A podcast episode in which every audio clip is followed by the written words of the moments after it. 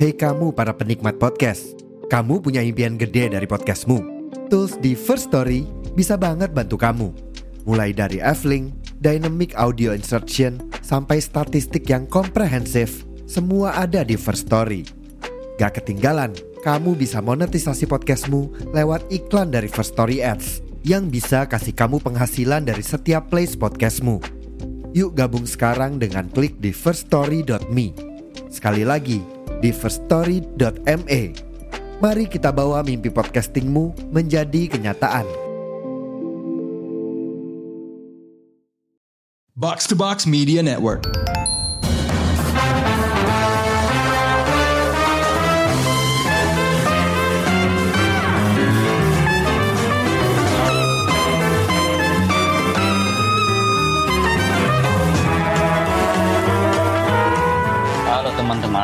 Kita ketemu lagi di episode terbaru Showbox Podcast bareng gua Krisna. Di solo review Korea Vaganza kali ini, gua pengen bahas salah satu film yang paling gue tunggu tahun ini dan akhirnya tayang juga di bioskop Indonesia. Ya walaupun sayangnya kayaknya nggak dapat layar dan jam tayang yang terlalu banyak ya. Ya betul. Judul film yang mau gua bahas di episode ini adalah Cobweb atau yang dalam bahasa aslinya itu berjudul uh, Geomijip. Tapi awas ya nih jangan ketuker sama film horor Amerika berjudul sama yang dibintangin sama Homelander alias Anthony Starr yang beberapa bulan lalu juga sempat dirilis di bioskop Indonesia ya. Cobweb yang film Korea ini tuh disutradarai oleh salah satu ya bisa dibilang sutradara tersukses di Korea lah, yaitu Kim Ji Won. Dia juga ikut nulis naskahnya bareng sama Shin Yun Sik. Nah, adanya nama Kim Ji Won ini yang jadi alasan pertama gua sih buat nungguin banget Cobweb. Bahkan sejak pertama kali gua baca berita tentang adanya film ini. Perkenalan pertama gua sama sutradara ini sendiri dimulai dari film horor uh, A Tale of Two Sisters. Dan setelah itu gue suka hampir semua filmnya yang udah gue tonton lah, termasuk yang dia bikin sebelum uh, A Tale of Two Sisters. Uh, selain detail dan style film-filmnya yang khas, satu hal sih yang paling gue suka dari si Kim Ji Won ini adalah keberaniannya nih dalam uh, apa ya, mengeksplorasi berbagai genre film lah dan bisa dibilang semuanya sukses gitu. Ya kayak selain Tale of Two Sisters yang horor, dia tuh juga sempat bikin uh, apa ya semacam komedi berbalut misteri lah di Quiet Family. Terus dia pernah juga bikin uh, komedi olahraga di The King terus dia pernah bikin action stylish western gitu di The Good The Bad uh, The Weird. Terus uh, thriller brutal di I Saw the Devil. Terus dia juga pernah bikin uh, aksi spionase di The Age of Shadow sampai action sci-fi yang diadaptasi dari manga di Hilang The Wolf Brigade Uh, tapi ya Kim Ji Won nih jelas bukan satu-satunya daya tarik Cobweb sih buat gue. Tapi juga ensemble cast-nya karena di dalamnya nih ada nama-nama besar di dunia acting Korea lah kayak Song Kang Ho, ada Im So Jung, ada Oh Jung Se, ada Jang Yong Nam, John Yoo Bin sampai Crystal Jung. Nah beberapa di antara mereka nih juga apa ya udah semacam jadi langganan buat main di film-filmnya Kim Ji Won sih sebenarnya kayak Song Kang Ho nih udah pernah main di The Quiet Family, dia pernah main di The Fall di The Good, The Bad, The Weird, terus terakhir di The Age of Shadows juga. Terus ada Jun Yoo Bin tuh juga pernah main di The Age of, The Age of Shadows sama uh, Ilang The Wolf Brigade. Terus terakhir si Lim, Lim Soo Jung tuh juga jadi pemeran utama kan di A Tale of Two Sisters. Nah, bersetting di era awal 70-an nih, cerita Cobweb sendiri nih uh, berfokus pada uh, seorang sutradara bernama Kim Ki-yeol yang diperanin sama Song Kang Ho. Nah, Nah, tepat setelah dia apa ya kayak selesai menyelesaikan proses syuting film yang berjudul Cobweb juga, saudara Kim nih kayak dihantui semacam mimpi lah yang akhirnya terus menginspirasi dia buat uh, mengubah ending filmnya yang udah selesai ini gitu. Dia juga percaya kalau perubahan ini nih bisa bikin uh, Cobweb nih jadi semacam masterpiece lah di sinema Korea gitu.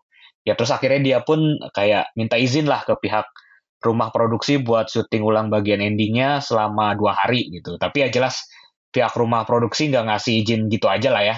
Ya syuting ulang tuh jelas hal yang ribet gitu ya. Mulai dari uh, studio yang dipakai sebagai lokasi syuting ini kebetulan udah dijadwalin juga buat syuting film lain. Terus jadwal para aktornya juga yang cukup sibuk. Terus ditambah lagi situasi di industri film Korea juga saat itu di mana apa ya kayak uh, proses produksi film tuh masih diawasi secara ketat banget sama uh, pemerintah lewat badan sensor bahkan sejak masih berupa naskah gitu.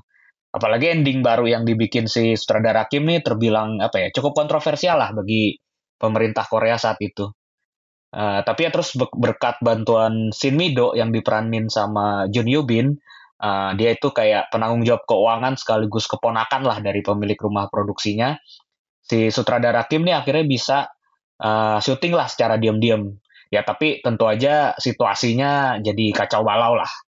Nah lewat film ini si Kim Ji Won nih kayak mau nunjukin lah betapa susahnya dan kerja kerasnya para filmmaker, kru dan aktor dalam membuat film lewat uh, adegan-adegan yang apa ya gue bisa bilang cukup rusuh lah cukup kacau bahkan gila mungkin ya.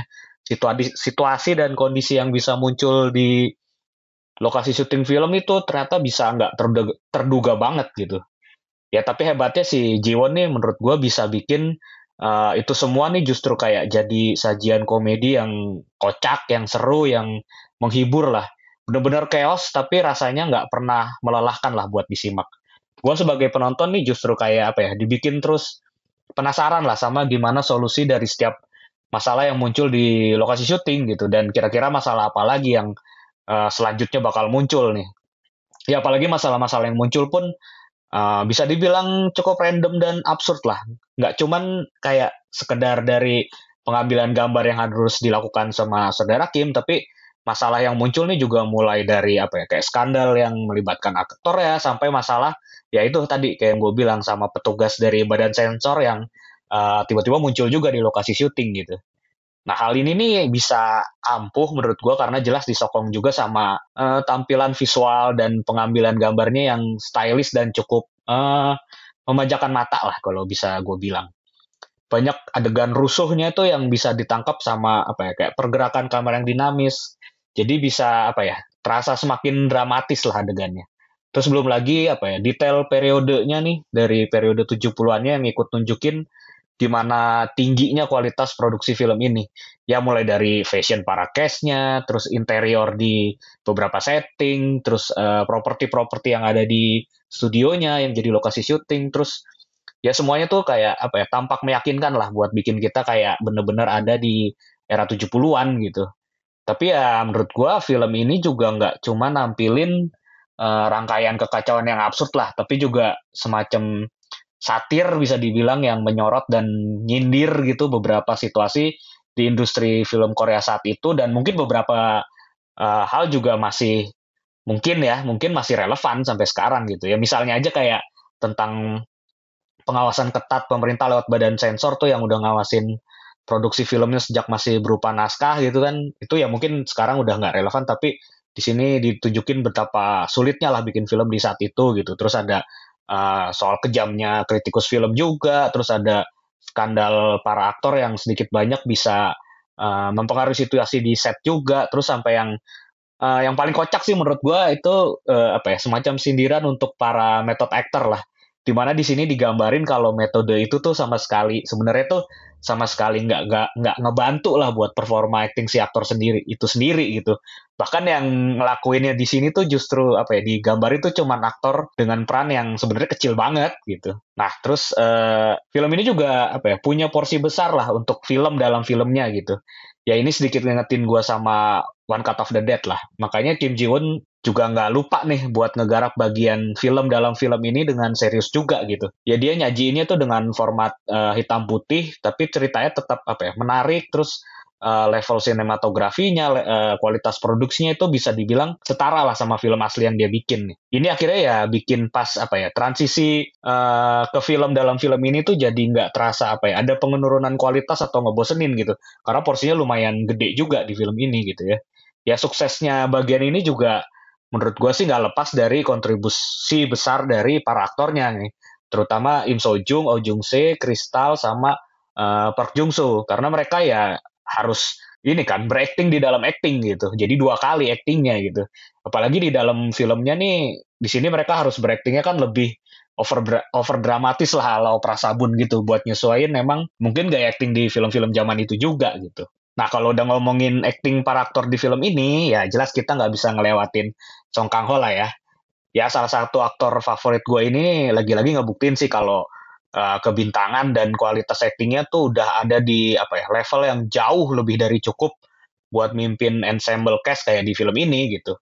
Ya lewat perannya sebagai apa ya sutradara Kim gitu ya, Song Kang Ho ini bisa dengan meyakinkan banget nampilin gimana uh, strugglingnya, insecure-nya seorang seniman dalam membuat karya lah.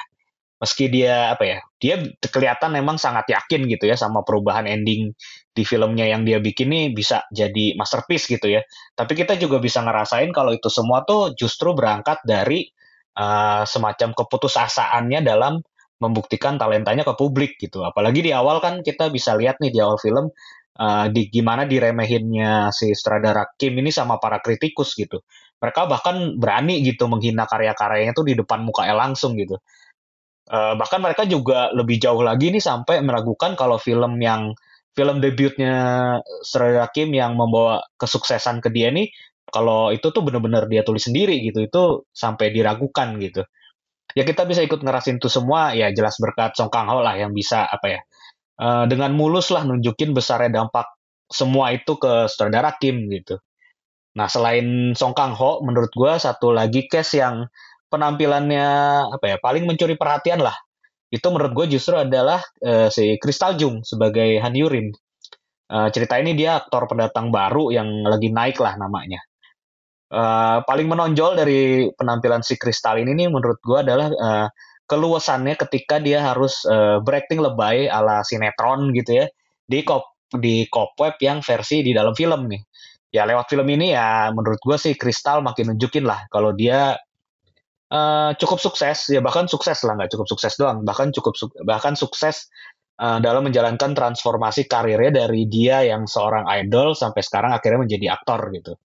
Terus sementara itu ada juga si John Yobin nih perannya sebagai Mido yang uh, super rusuh super rusuh di sini sebenarnya cukup ngingetin gue sih sama perannya dia di Drakor Vincenzo ya.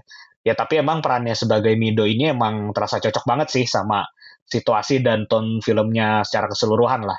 Jadi ini juga apa ya sama sekali bukan typecast sih karena John Yobin juga sebenarnya udah ngebuktiin kalau dia juga bisa main bagus gitu dengan peran-peran yang uh, berbeda di proyek-proyek dia lainnya gitu ya. Ya secara keseluruhan hampir semua aktor yang terlibat di film ini bisa bilang tampil maksimal sih. Bisa dibilang ini juga kalau menurut gue sih ya berkat naskahnya yang emang udah solid gitu sehingga apa ya nggak ada karakter di film ini yang nggak jelas fungsinya gitu atau cuma tempelan doang gitu.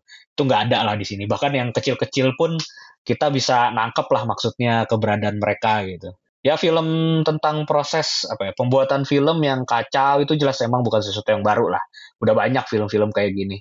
Tapi secara keseluruhan sih menurut gue si Kim Ji Won nih masih bisa bikin uh, Cobweb nih terasa fresh lah ya meski mungkin di beberapa momen bakal butuh sedikit apa ya semacam energi ekstra buat tetap fokus karena padet banget hal yang terjadi di film ini gitu. Dan yang coba disampaikan juga di total apa ya durasinya yang sekitar 130 menit eh 135 menit. Ya tapi ini menurut gue sih tetap nggak akan berpengaruh banyak pada keseruan atau funnya film ini sih. Oke? Uh, segitu aja pembahasan gue tentang Cobweb gue sih akan kasih film ini Eh, empat setengah bintang dari lima bintang. Jadi ya lumayan tinggi ya.